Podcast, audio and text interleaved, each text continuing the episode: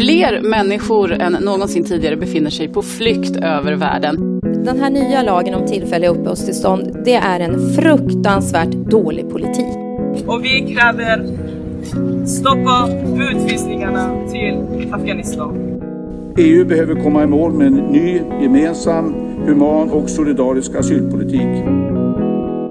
Hej och varmt välkomna till Människor och migration, podcasten som handlar om migration och om de människor som rör sig över gränser.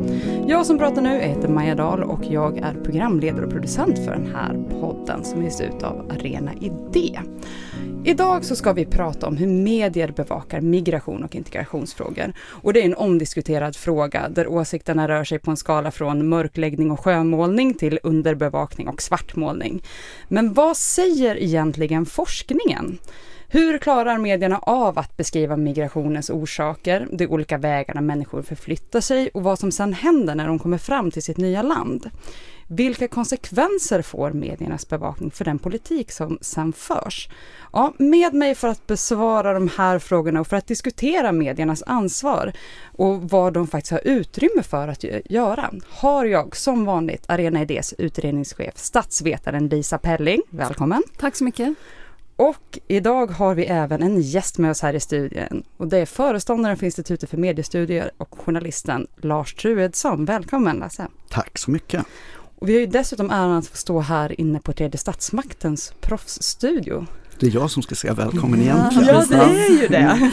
Katterna har kommit in i hermelinernas finrum. Ja, vi känner oss jättebra. Så Ni är så som, välkomna. Mm. Tack. Som du som lyssnar tycker att det låter lite extra bra så är det just därför att vi inte står i vanliga skrubb. Eh, som jag sa inledningsvis så ska vi prata om mediebevakning av migration och integrationsfrågor. Eh, men jag tänkte att innan vi går in på att prata om hur den här bevakningen ser ut och liksom grotta ner i de delarna, jag tänkte att vi börjar prata om förtroendet för medierna, hur man faktiskt klarar av den här eh, uppgiften. Så att vi har det med oss i bakhuvudet sen när vi går in i de övriga delarna. Och 2017 så släppte ni på Institutet för mediestudier en rapport som heter Misstro mot medierna. Eh, en publikation som då bland annat innehåller en text om förtroende för mediernas rapportering av invandring. Och hur ser då svenskarnas förtroende ut, Lars? Ja, vi, vi har låtit det här SOM-institutet som liksom är liksom någon slags gold standard för mätningar av, av, av åsikter eh, och känslor och, och sånt i det svenska ja, det, det, är en survey, en jättestor surveyundersökning i varje fall, görs vid Göteborgs universitet och vi har skickat med då en fråga där. eh, hur stort förtroendet är inom ett antal olika ämnesområden. Och högst bland de här åtta ämnesområdena är förtroendet för rapporteringen om sjukvården. Så finns det en mellangrupp av sådana här lite mer alltså arbetsmarknad, eh, ekonomi, EU. Um, ehm, och sen finns det två som skiljer ut sig, två ämnen. Och det är brott och invandring. Och där är förtroendet betydligt lägre. Det här återkommer i andra studier. Jag hörde Sifo redovisade någon de hade gjort nyligen att förtroendet sjunker så fort man för in invandring och brott i olika frågor så påverkar det förtroendet. Det händer något. Jag tror att det där gäller inte bara medierapportering utan det är liksom en, i samhällsfrågor i stort så kopplas liksom lågt förtroende för institutioner till de frågorna. Mm. Kan man säga någonting om vad, vad det beror på? Eh, inte utifrån den där studien. Mm. Och sen eh, kanske olika människor kan liksom ge utifrån sina värderingar, möjligen utifrån annan forskning, kan ge sådana svar. Eh, två högar är ju, eh, det beror på helt externa faktorer som inte har med medierapporteringen att göra. En annan hög är interna faktorer som har med medierapporteringen att göra. Och jag tror att man behöver söka förklaringar i båda de högarna. Du sa inledningsvis nu att en fråga som har väldigt högt förtroende var till exempel då rapporteringen kring sjukvård. Mm. Eh, det är spännande att se att, att två, två frågor som man ofta uppe som politiska problemområden har så olika förtroende mm. kring just medierapporteringen. Eh, Lisa, om du får gissa lite grann här med statsvetarmössan. Mm. Vad tror du det beror på? Nej, men jag, jag, jag, tänker att det finns ju starka intressen inom området invandring för att just odla den här myten om att att eh, etablerade medier inte säger sanningen eftersom man har upptäckt att det finns en väljarpotential bland människor som kanske har en eh, grundläggande skepsis mot eh, invandring, mot att integration är någonting som skulle kunna fungera mot ett samhälle som är mångkulturellt och för att kunna exploatera den misstron eller skepsisen så, så vill man eh, också påstå att eh, eh, problemen egentligen är ännu mycket större man kan få intryck av. Man vill liksom bidra till att försöka eh, överdriva dem och då passar det ganska bra att, eh, att säga att medierna inte säger sanningen och så. Att det, att det, och det är väl det som du kanske lägger i hörnen externa, i högen externa faktorer, att det finns personer som aktivt och, och, och krafter som aktivt har, har verkat för, för jo, detta. men vi har ju fått en, en, en Alltså det har kommit agenter som har tagit den här frågan och, och gjort den operativ. Liksom. Men jag skulle nästan vilja säga lite provokativt att eh, är det verkligen en myt att medier mörkar vad det gäller eh, invandrare och brottslighet till exempel? Jag tror att det på ett sätt inte är en myt och jag tror ni kommer att hålla med mig när jag fått prata färdigt så att säga. Eh, nej men det är ju så här att det finns i de spelreglerna, etiska spelreglerna att man ska inte berätta om bland annat etnicitet, sexuell läggning, ett antal andra sådana här gruppkriterier när eh, det inte är relevant för det man berättar om och missaktande. Och det där gör ju att man faktiskt låter bli att säga allt. För är etnicitet inte relevant för brott, då berättar inte svenska medier om det. Eh, och var den där, var, liksom, hur hög tröskeln är för att när man anser det relevant, det har varierat över tid, det tycker jag man kan se ganska tydligt. Mm. Eh, men det där gör ju att det finns ju någonting som journalister är eniga om i gruppen, nästan alla, eh, om att man ska mörka. Och där finns det liksom en grund för att börja sen kritisera. Eh, och ibland kanske man har gått för långt, alltså tvättat för hårt för att man ska, om man menar att journalistikens uppgift är att ge en bra bild av samhället. Och ibland alldeles för lite för att man riskerar att underblåsa de här krafterna som du har pratat om Lisa. Mm, mm. Så där är vi någonstans. Sen tycker jag att det är lite spännande att se att det fanns ju uppenbarligen en kommersiell möjlighet när tröskeln in på mediemarknaden sänktes. Då kunde man kliva in och starta sajter som har jättehöga ändå trafiksiffror. Eh, opinionsbildande sajter med högerpopulistisk, invandringskritisk, det kallades länge hatsajter, man hör det mindre ofta idag, det händer saker, alltså samhälls... Just för att möta den här efterfrågan på att veta brottslingars etnicitet som de etablerade medierna mm. inte ville eh, ja. försöka möta. Ja, det är själva grunden både för avpixlat och för Flashback liksom var väl de, de trådar som har följts ja, mest på Flashback. Ja, från precis, början. Och politiskt inkorrekt. Ja, mm. Absolut. Jag, jag, tänker också att, att, det som kan ha spelat in i det här, och det är en, en väldigt stor liksom fråga inom statsvetenskapen, är det här har hö, partier som finns på en höger-vänster-skala gjort fel eller rätt när man har sagt att man har ingenting att vinna på att låta debatten, den politiska debatten handla om invandring. Man vill hellre att den politiska debatten ska handla om fördelningspolitik mot eh, marknad. För då får man väljarna att dela upp sig ut efter vänster och höger. Då kan vänsterpartier locka vänsterväljare och högerväljare locka högerväljare. Om man börjar prata om migrationsfrågor och gör de frågorna till de största frågorna, de viktigaste samhällsproblemen så riskerar man att det parti som har etablerat sig som det parti som kan mest om invandringsfrågor, som hållit på med det längst, som har starkast åsikter om det, är det parti som istället får rösterna, både från höger och från vänster. Så det har funnits en en, liksom, en logisk förklaring till varför man inom socialdemokratin till exempel har sagt vi ska inte prata om invandring. Det har handlat om en strategi. Vi ska prata om det som är verkliga frågor. Sjukvården, fördelningspolitiken. Mm. I viss mån har man liksom till höger också sagt det. Eh, men konsekvensen har ju också blivit att man har förstärkt det här intrycket av att de etablerade partierna, de etablerade aktörerna vill inte prata om invandring, vilket ju delvis har varit sant. Då. Vi, vi hand, ja men precis, av taktiska skäl, men sen hade vi en väldigt under allianstiden så hade vi en väldigt egenartad politisk situation i migrationsfrågan också där väl egentligen kan man säga sju partier, var, alltså från det att Miljöpartiet gjorde upp med alliansregeringen så var det ingen stor strid. Socialdemokraterna valde väl att inte ta strid där man var oenig liksom, vad det gäller arbetskraftsinvandringen framför allt om jag minns rätt. Va? Ehm, och man fortsatte i stort sett fram till hösten 15 med den politik som hade varit. Mm. Give or take mm. liksom. Ehm, och då blir det ju, det fanns liksom ingen politisk strid utom med det där partiet som väldigt många definierade som liksom utanför gemenskapen. Eh, och det påverkade säkert också mediebevakningen, att vad heter det, det blev ett sånt stort kliv. Man kunde inte bevaka det riktigt som en vanlig ideologisk partipolitisk strid, för det fanns ganska lite av det. Medan det fanns en ganska stor klyfta sen till eh, vad Sverigedemokraterna tyckte. Åtminstone var det så vi upplevde det. Sen kan man diskutera mm. när hösten 2015 kom hur stort den där tröskeln emellan egentligen var då. Men Mm. Nej, och det är ju någonting som, som exploaterades också av Sverigedemokraterna. De vill ju gärna liksom framställa sig som eh, vi mot eliten, vi mot etablissemanget och vi mot sjuklövern som de har kallat de andra eh, mm. eh, politiska eh, partierna.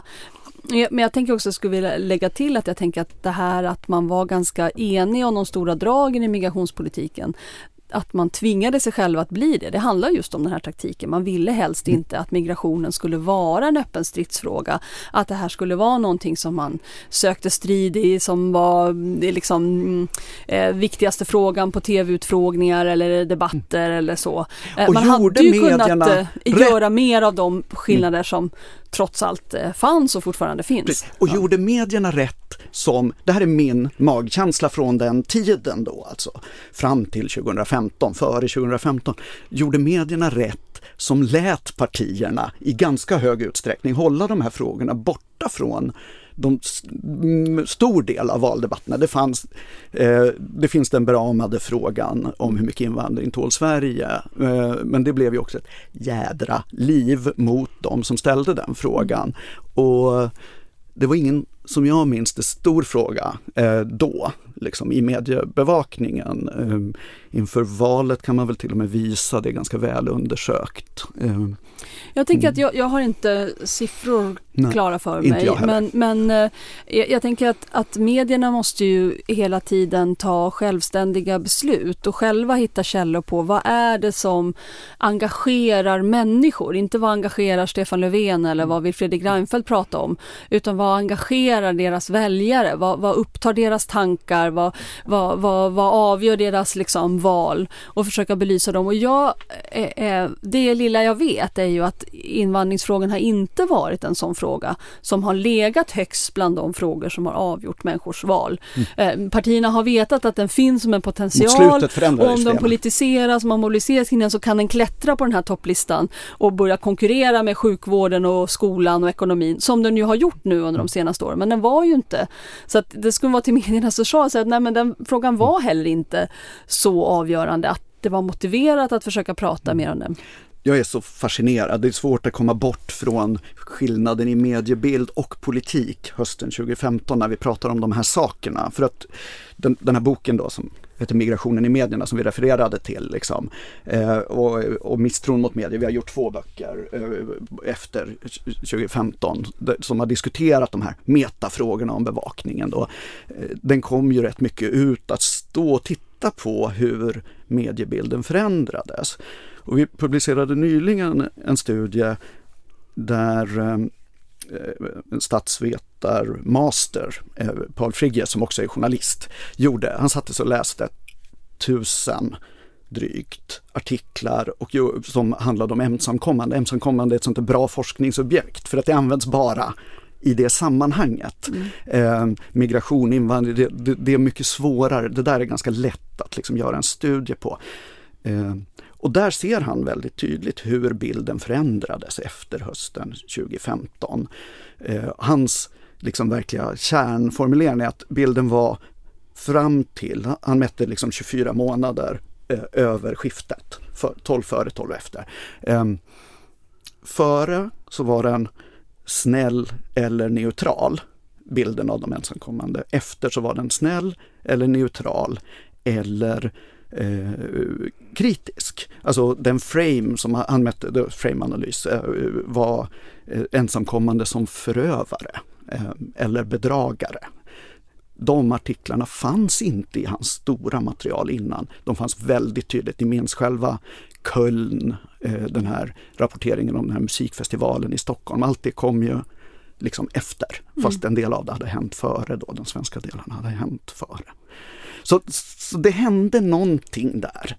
Det finns studier och alla studier är ganska entydiga om att bilden av migration, bilden av invandring, bilden av invandrare är kritisk i svenska medier. De studier som har gjorts kommer nästan alltid fram till det. Eh, och ganska många upplever de studierna som relativt kontraintuitiva. Andra tycker att de är spot on. Och det där har det ju varit väldigt mycket bråk om. Liksom. Mm. Mm. Ja, jag tänker att innan vi går in alldeles för djupt in i de studierna skulle jag vilja kliva ut utanför Sveriges gränser lite grann. För nu har vi fått en lite bättre bild av hur förtroendet ser ut kring mediebevakningen. Och en massa och, annat också, jag sabbar det nu. Men det vi har fått i det också är en kontext, att det också inte bara handlar om att det är medierna som kanske har mörkat utan faktiskt att politikerna inte har pratat om det innan och vad det beror på. Och det är en bra grej att ha i bakhuvudet nu när vi går in till lite mer om hur mediebevakningen ser ut. Ehm, och det jag tänker att det man måste förstå när vi pratar om migration, det är ju anledningen till varför migrationen överhuvudtaget sker. Vad är det som driver människor till Sverige oavsett om det gäller en frivillig eller en ofrivillig flykt? Alltså är det en person som flyttar eller en person som flyr en konflikt? Och där undrar jag, alltså hur ser svensk mediebevakning ut när det gäller då egentligen de här konflikterna som gör att människor tvingas fly och de vägar som de då dessutom måste ta för att komma till Sverige. Så förstår man vad det är som gör att personer kommer hit? Eller kan man prata om att det här är underbevakade områden, Lars? tror att man relativt ofta ser i svenska medier bild, berättelser om enskilda personer som har tvingats fly till Sverige. Liksom. Um, det finns där.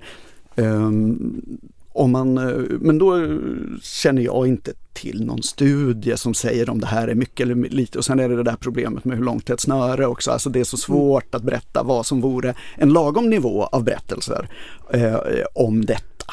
Eh, och sen kanske man kan lägga till att det finns väl möjligen pullfaktorer som påverkar migration också. Du pratade bara om pushfaktorer egentligen i din inledning. Eh. Mm. Jag, jag tänker man måste vara e, ödmjuk här. Det är ju, vet jag från forskningen, otroligt svårt att förutse när människor migrerar och e- exakt var man tar vägen och hur många som kommer att komma vid vilken eh, tidpunkt. Om man kunde förutse det så skulle liksom gränsbevakning och mycket annan politik se, se ganska annorlunda ut. Så att även om, om liksom svenska medier eh, bestämde sig för att nu ska vi hårdbevaka människor som eventuellt skulle kunna bli asylsökande i Sverige så småningom så skulle det vara väldigt, väldigt svårt att göra det. Det är Sen svårt även hålla... för er experter, liksom, forskare och policyexperter på Migrationsverket ja. och sådär. Och, eh, och, hur, ja, ja. och så nästa steg så kan journalister då vara ännu Precis. sämre. Migrationshistorien är liksom full av prognoser som inte har slagit in. Man trodde till exempel sådana klassiker att när Sovjetunionen föll samman så var man övertygad om att Sverige skulle liksom översvämmas av, av ryska asylsökande kommer båtarna till Gotland? Den minns Precis, jag själv. Och de, och de kom aldrig. Nej. Och de har fortfarande inte kommit. Eh, men det behöver inte nödvändigtvis betyda att de inte kan komma. Eh, det, det är eh, de, de kom ja. ju 45, Och vi ska väl prata mer om liksom, mm. ja, vad borde man ha vetat om Balkanrutten Ja, men vi tänker om vi går in på det då. Så vi, du pratade ja. lite grann om 2015. Då, det som hände då var att det var väldigt många som tog en väg som då kallas Balkanrutten. Eh, efter ett tag så har ju faktiskt media möjlighet att se så här, det här är vägen som man kommer. Hur gick man då in, kunde man beskriva det på ett bra sätt? Förstod folk här i Sverige vilken väg människor tog, varför de tog den här vägen och hur de hamnade här? Får jag bara jättekort svara? Ja. Här är jag bara vanlig tidningsläsare. Eh, och nej, och nu ser jag fram emot att du ska förklara det här för mig Lisa. ja, alltså det, det är så himla svårt att, att, veta i efterhand så tycker man ju att eh, alla varningsklockor ringde eh, jättehögt. Att eh, alla de faktorer som bidrar till att, att människor gav sig iväg och kom i så stort antal under de här höstmånaderna 2015. Det, det var ett krig som hade pågått inte ett år, inte två år utan fem år som gjorde att människor förlorade hoppet om att i nära framtid kunna återvända. Det handlar om människor som befann sig i Libanon, i Turkiet, i Jordanien. Ett år går bra, två år går bra eh, när eh, FNs hjälporganisationer, inte minst de som ansvarar för matutdelningen, börjar skära ner på matransoner, barnen fortfarande inte kunde gå i skolan, vuxna eh, förvägrades möjligheten att arbeta, så blev situationen desperat. Ytterligare liksom en faktor var att det uppstod rykten under sensommaren eh, 2015 om att det fanns en möjlighet att ta sig till Tyskland, att det fanns en öppen dörr. Och, och, och anledningen till att de här ryktena liksom blev så stora var väl att det fanns ett, en efterfrågan på den typen av hopp. Kan inte någon ge oss hopp om en väg härifrån? Det gick rykten om att, det, att ett tyskt skepp skulle komma till Libanon och de skulle ta med sig folk tillbaka. Det gick rykten om att, att Tyskland stod i begrepp om att utfärda någon form av liksom humanitära visum. Och, eh, folk var liksom mottagliga för den. Eh, och när man väl började ta sig över så visade det sig att det fanns en, en, en liksom infrastruktur så som jag har tolkat det, en, en kriminell ekonomi i Turkiet helt enkelt. Kriminella band som så fort den turkiska polisen vände eh, ryggen till var beredda att förse eh, flyktingar med gummibåtar, eh, med lotsar, med eh, den transport som behövs för att ta sig ner till kusten dit man kunde ta sig över till, till Grekland. Men eh, ja, som sagt, man tycker att man borde ha sett allt det här och, och, och delar av det rapporterades ju också om eh, att, att nu skärs matransonerna ner. UNHCR sa det här är liksom tredje året i rad där vi talar om för er. Ni måste ge oss mera pengar annars kommer vi att bli tvungna av att skära, skära ner på det här. Situationen blir allt mer desperat. Men att gå från det till att förutse att det skulle komma eh, 163 000 asylsökande till Sverige varav eh, 130 000 tror jag det var under de här sista månaderna det är nästan omöjligt. Lyckades ja. Migrationsverket? Jag kommer Nej, inte ihåg. Ja, de, de, har ju, de har ju prognosinstrument som mm. de håller på att finjustera liksom hela tiden. Och man måste ju säga till deras försvar att under de senaste åren så har ju deras prognoser varit väldigt nära målet. Eh, de men har, inte just där och då? Men inte just där. Mm. Där, där, eh, där, var, där, det lyckades de inte eh, förutse. och, och sådana här dramatiska situationer, det enda man kan säga om dem kanske är att de kommer att uppstå igen. Eh, och medierna ja. och prognosmakarna kommer sannolikt ja, att missa men, igen. Men eller? exakt var de kommer liksom mm. uppstå, mm. i vilket sammanhang, hur stora de blir, det, det, det tror jag är väldigt svårt att, eh, att säga. Mm. Mm. Vad kan man då kräva av medier, liksom, ha möjlighet att bevaka sådana här och förklara det? Det, man önskar är ju alltid att det ska åtminstone gå att gå tillbaka och se att nyckelgrejerna har rapporterats. Liksom, att det ska finnas en tillräcklig nivå. Sen är det ju det där att när man som vanlig tidningsläsare utan specialintresse läser så missar man ju de här bakomliggande skeendena för att det blir inte liksom högst upp på första sidorna. Det blir inte de starkaste signalorden förrän det plötsligt blir det. Ofta kan vi knyta det till någon symbol, eh, antingen sådana här humanitära som Allan Kurdi eller vi kan knyta det bara till jättehöga siffror eller någonting sånt där.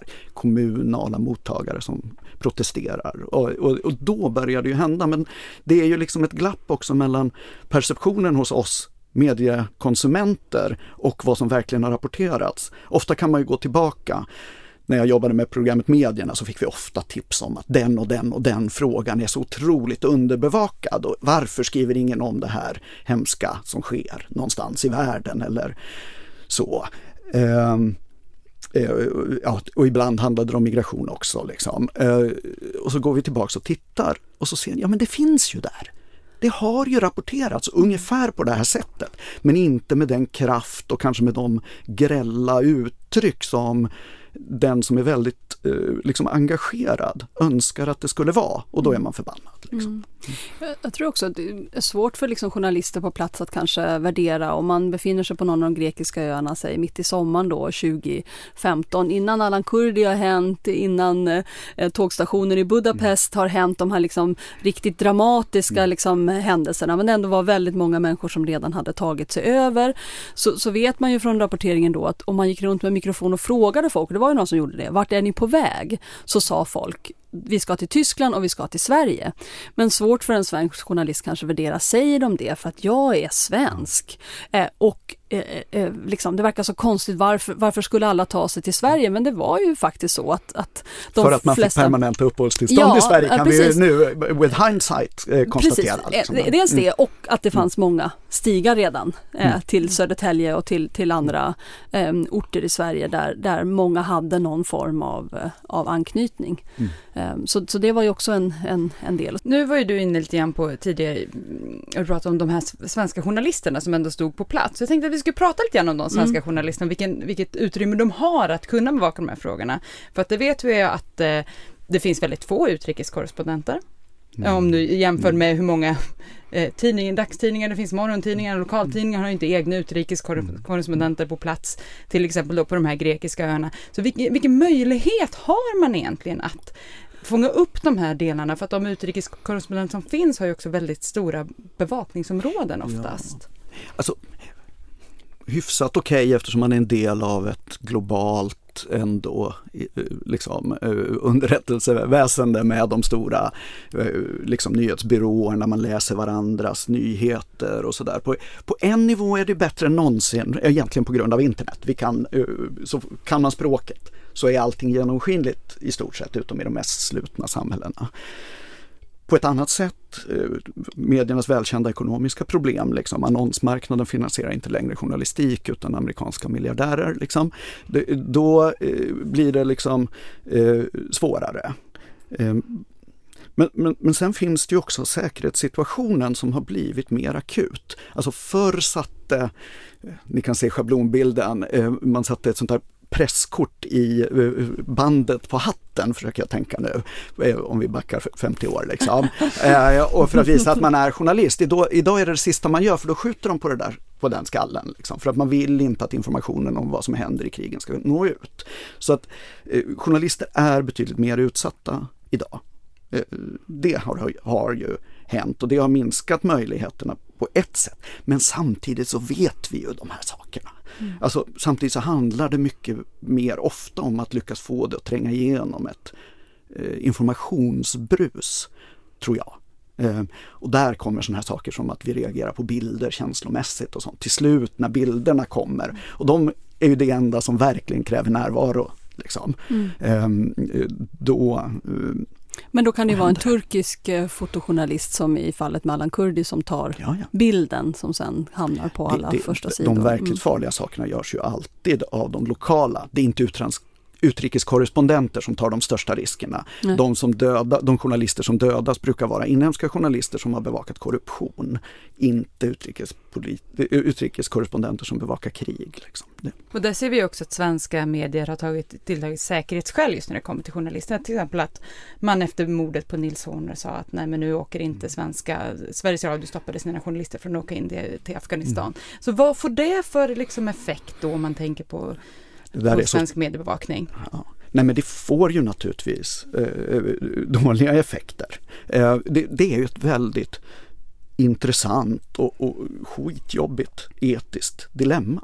Alltså programmet Medierna här har fått erbjudanden av duktiga frilansjournalister med jättegod kunskap om Afghanistan att göra reportage om, om den här frågan, alltså vad blir kvar när vi inte åker dit, om andra saker, på plats i Kabul.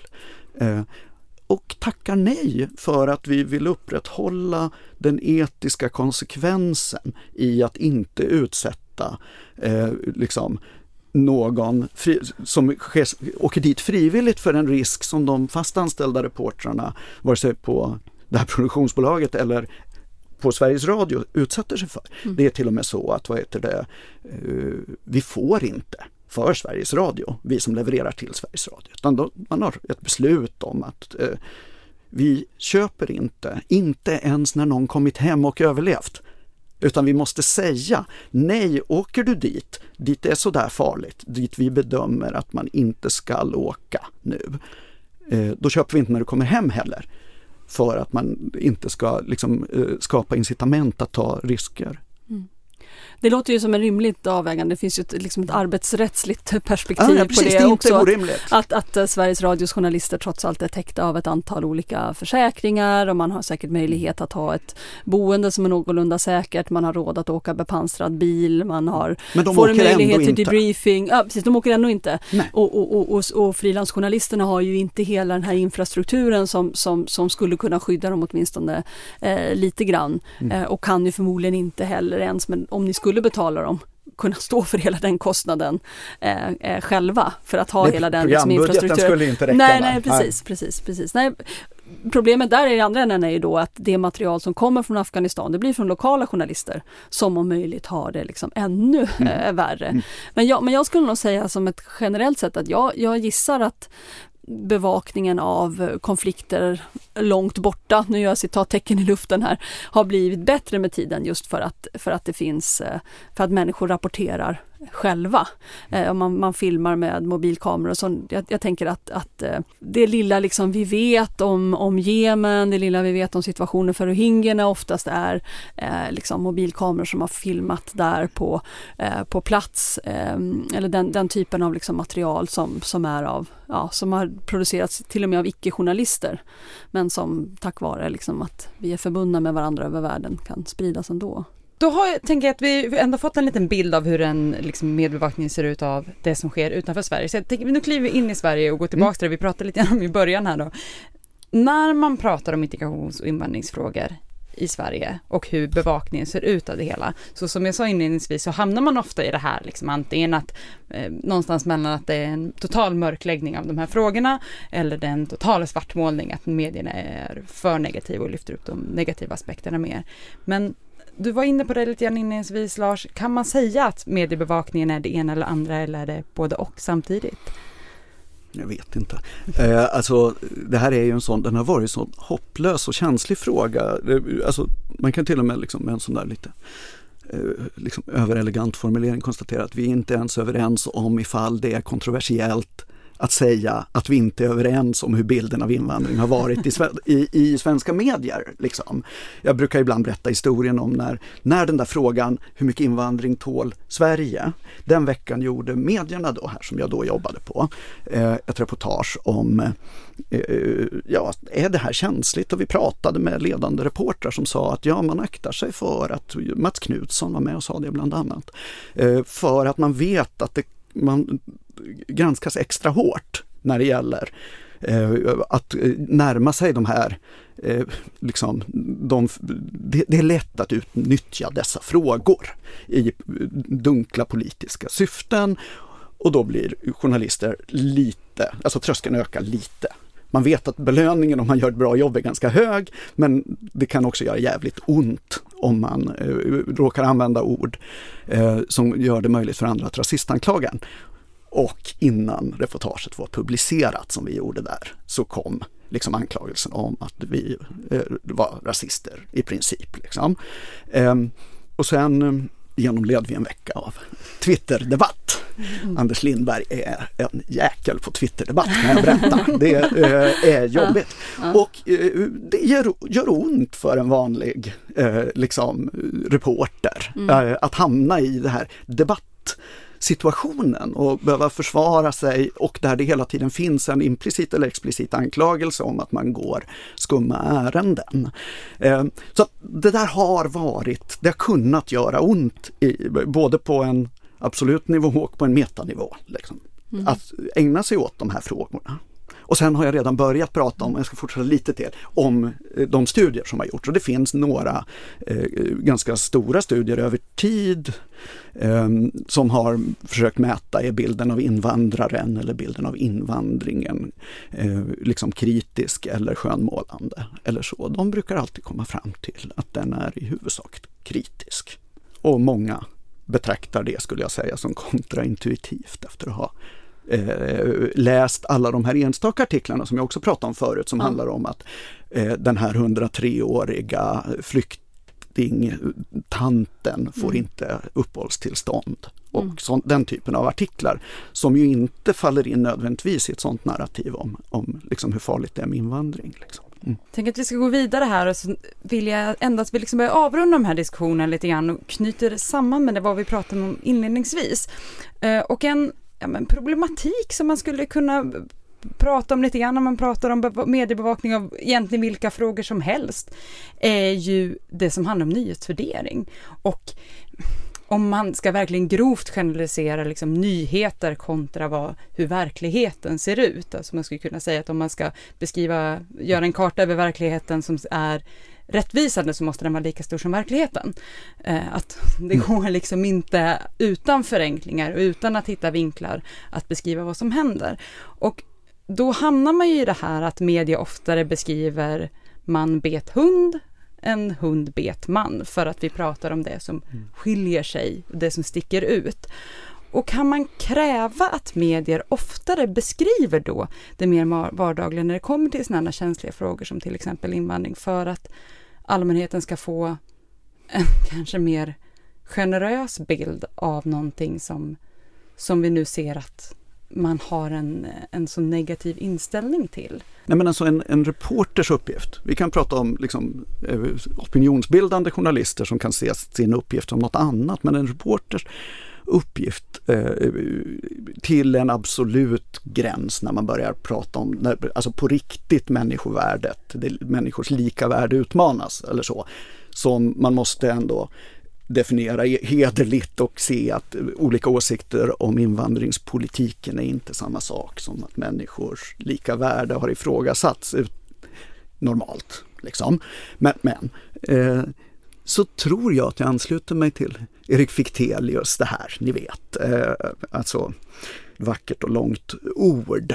Eh, konsekvensneutralitet. Liksom. Vi ska försöka som reportrar ge en sån så, så, rättvisande bild som är möjligt och så bred bild som är möjligt. Men sen gjorde ju du Lisa en väldigt bra bild av människors perception ormen som ringlar sig mm. när sladdarna i studion rör mm. sig. Så, så är det lite äckligare ja. än eh, när någonting annat dött objekt rör på sig. Mm. Liksom.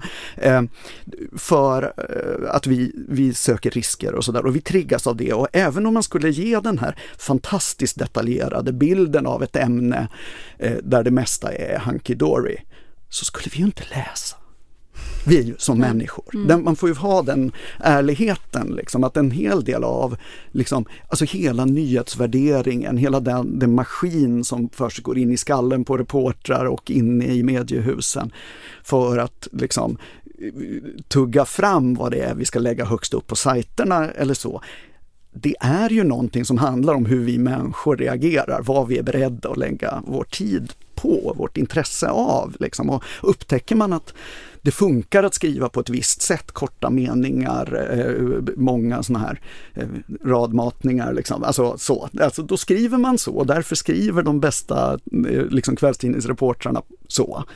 För att det funkar. Mm. Och vill man då få ut ett viktigt budskap så kan det vara klokt att skriva så.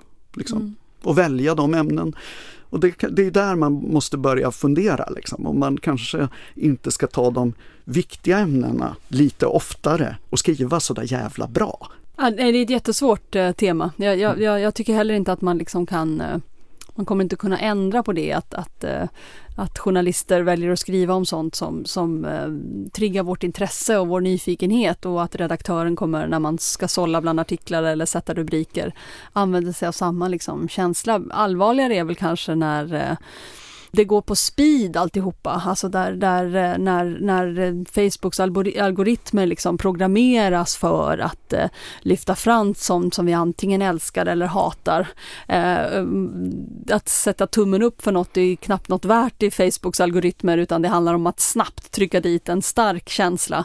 Och då, då, då triggas budskapet. Och där kan man ju tycka att där där finns det ett utrymme för, för liksom politiken att gå in och säga att det, det, det, det måste finnas någon rim och reson i hur det här liksom är programmerat och, eh, och så. Men det är också en väldigt, väldigt svår eh, fråga. Man vill ju absolut inte att politiker ska lägga sig i redaktörens Det är det som är så spännande. Liksom, alltså det är titlar. två principer ja. som krockar ja. stenhårt mm. Eh, och där de flesta journalister har i mm. magen att ja. nej, statlig styrning av vilken information som ska komma ut mm. är mm. trots allt eh, liksom värre än, alltså botemedlet är sannolikt värre än det det mm. ska kurera. Liksom. Mm. Mm. Men eh, Sen håller nog alla med dig om beskrivning, problembeskrivningen. Ja, ja. Vi pratade ju också då inledningsvis om att förtroendet kring svenska mediers, mediebevakningen av just invandringsfrågan är låg om vi utgår ifrån liksom den problematisering vi har gjort här idag, vilken mm. utrymme man har eh, och också liksom nyhetsvärderingens, alltså hur nyheterna mm. egentligen, medielogiken, hur det fungerar. Går det att göra någonting åt och ändra förtroendet för mediebevakningen? Eh, jag tror att man, har, man hade kunnat varit mer orädd under den där tiden när man vittnade om, många journalister vittnade om att man var lite rädd för att det blev så utmanande att ta tag i vissa frågor på ett lite på fel sätt, använda fel ord och sådär. Eh, det tror jag nog ändå. Eh, det är inte alls alla överens om, men jag tror nog att man kunde ha varit det. Inte på det där stora sättet. Det var inga mörkläggningar eller så, men det var liksom lite grått sådär. Det var lite svårare att göra de frågorna. Då gick man på ett annat politikområde och la sitt krut där istället. Det hade man kunnat gjort så att säga, för att så ser det ju inte alls ut idag. Idag är ju de här frågorna på tapeten hela tiden och alla älskar plötsligt att berätta om dem. Och den resan är ju så spännande. Liksom.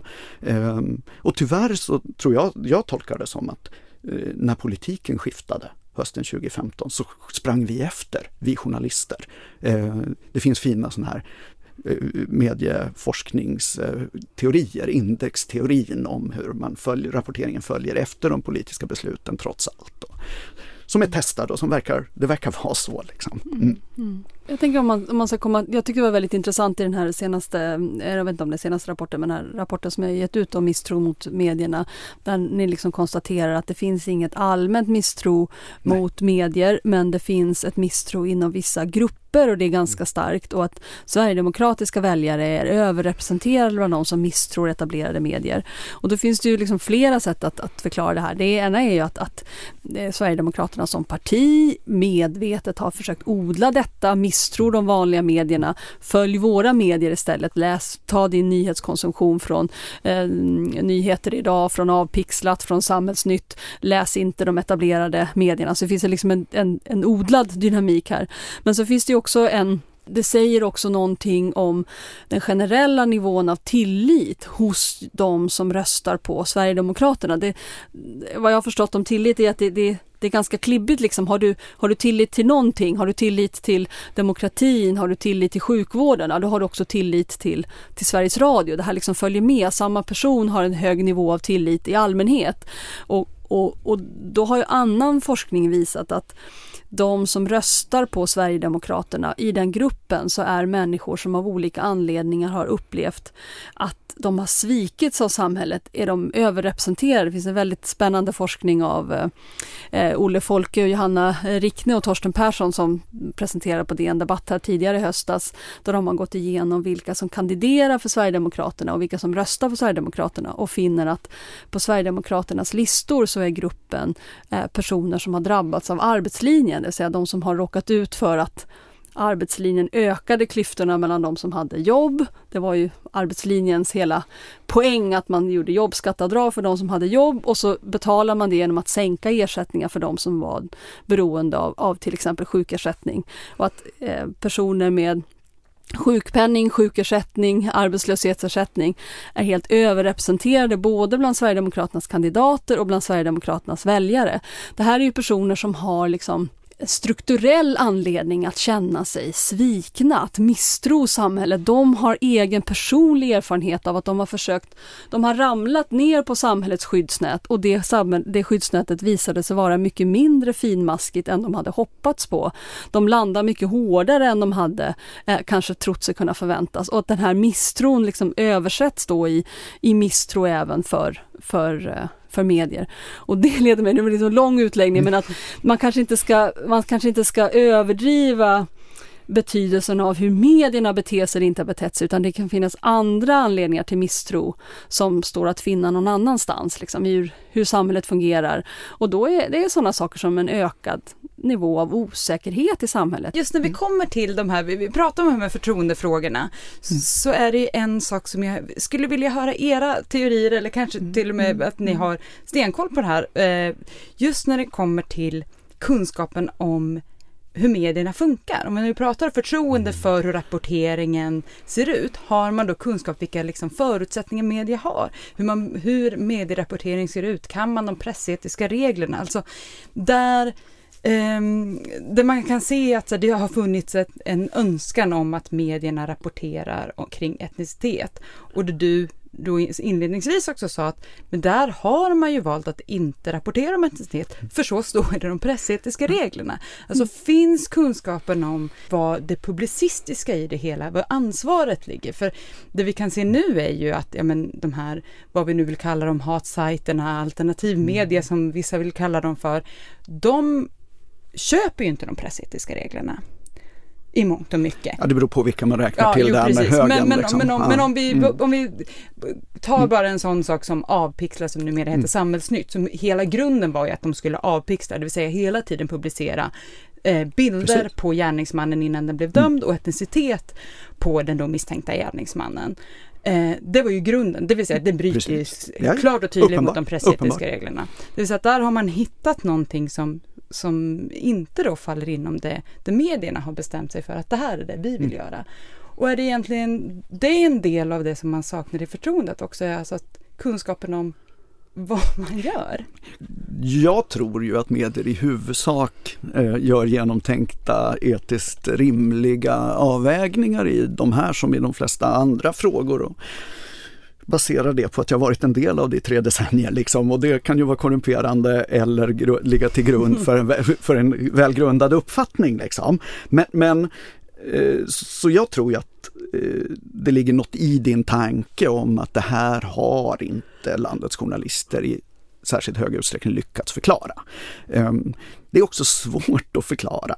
Eh, för att eh, liksom, vi pratar hela tiden, vi journalister, om, att, eh, om yttrandefrihet, om att allting ska upp på bordet, att det är det som liksom, medierna, det är den tjänst medier gör samhället. I den liksom mest grundläggande liberala demokratiteorin som nästan alla tror på så har vi den granskande makten som bara ska tvätta byken.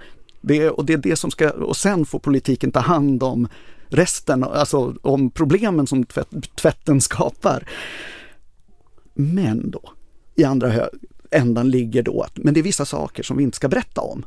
Och varför det då? Och det går att ge väldigt goda skäl till det, som handlar om att de här frågorna är, är giftiga, är explosiva, är, riskerar att eh, utnyttjas politiskt på ett sätt som inte gagnar något samhälle och som kan drabba enskilda individer extremt hårt.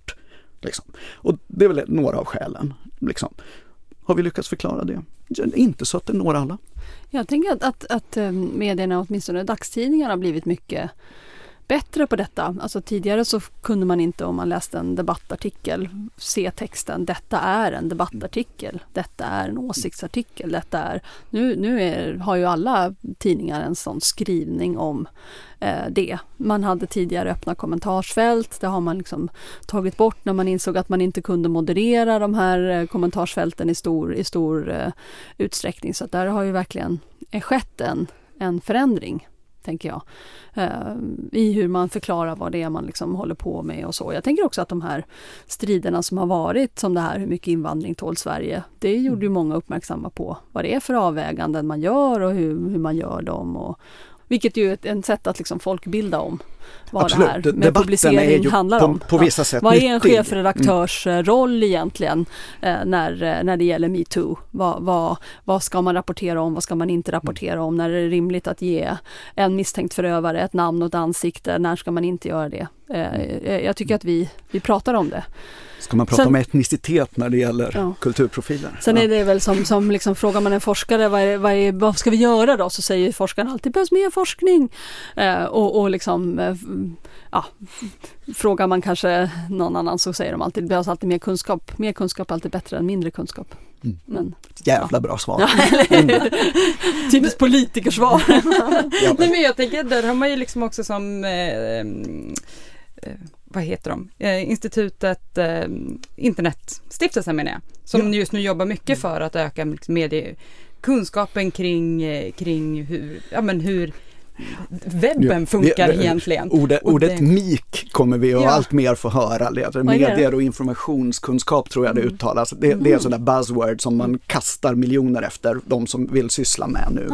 Eh, och det kommer en statlig utredning det här och så. Men det handlar ju om att motverka det här som du pratade lite om, Ja. liksom, om, om eh, liksom de effekter som eh, digitaliseringen av vår konsumtion har fått liksom, av det här osorterade flödet på Facebook som vi inte, som vi, vi själva måste ju vara redaktörer. Det fanns ju de som sa att alla blir journalister på grund av internet men det som har hänt är att vi alla är tvungna att vara redaktörer och själva faktagranska, själva relevansgranska allt det som kommer till oss. Ska vi dela det eller inte? Ska vi delta i det här? Ska jag tro på det här?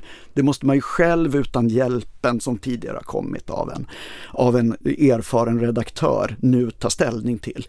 Nu har man de där små märkningarna i varje fall så man kan särskilja en ledarartikel, en kulturartikel från ett rakt reportage. Det hjälper lite.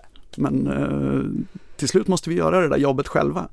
Avslutningsvis, vi är hela, in, hela tiden inne och tassar lite grann på det här, men, men om vi tittar på de då, övervägningar som man sitter och liksom gör på redaktionen varje dag, hela tiden innan man då ska publicera någonting. Och om man då tittar på rapporteringen kring migration, invandring och de avvägningar som görs där. Vad bör man ta hänsyn till och vad bli, bör vi bli lite bättre på att beskriva i svensk media? Den lilla frågan. Ja, nu är jag nästan. Om jag tidigare beskrev att jag var lite, att jag har en misstanke om att man underrapporterade en del för fem år sedan eh, kring de här frågorna så är jag ju snarare då orolig för att man överrapporterar nu. Liksom. Det har ju alldeles uppenbart svängt väldigt mycket i hur vi tar oss an det. Det har också svängt i hur mycket som rapporteras.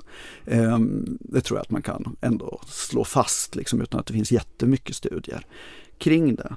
Eh, det har blivit en hårdare ton. Jag tror också att det har blivit mer publicering av av etnicitet genom publicering av namn. Alltså, men det där återstår att undersöka. Liksom. Jag tror att det har hänt någonting där. Ehm, och det kan man eh, försvara eh, också. Liksom. Men, eh, men jag tror det har hänt någonting.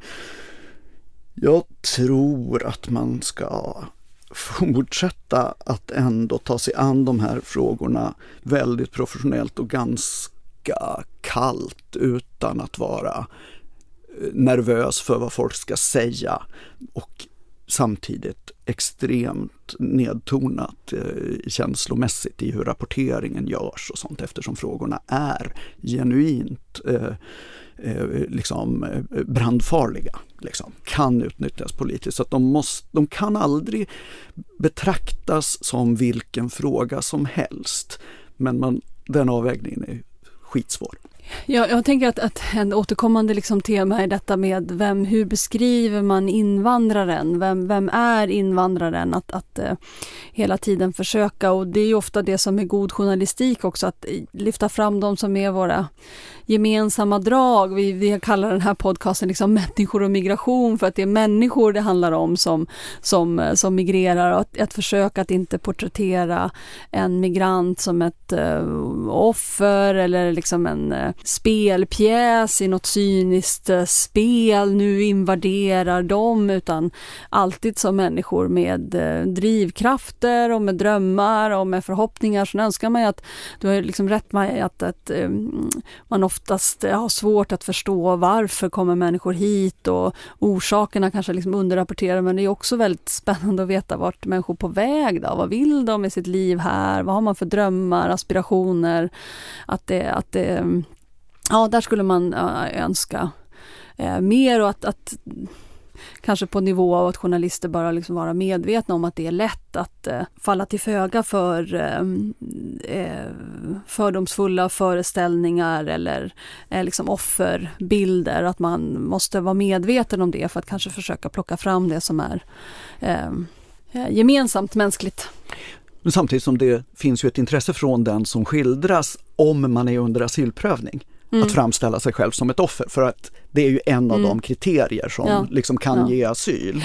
Eh, mm. Så, mm. så att det, mm. det, och den här genren av rapportering om invandring som vi har pratat om flera gånger om, om liksom någon som kanske ska kastas ut och det känns mm. hårt i magen att den borde väl inte, detta lilla barn, detta lilla ja. blinda barn eller så.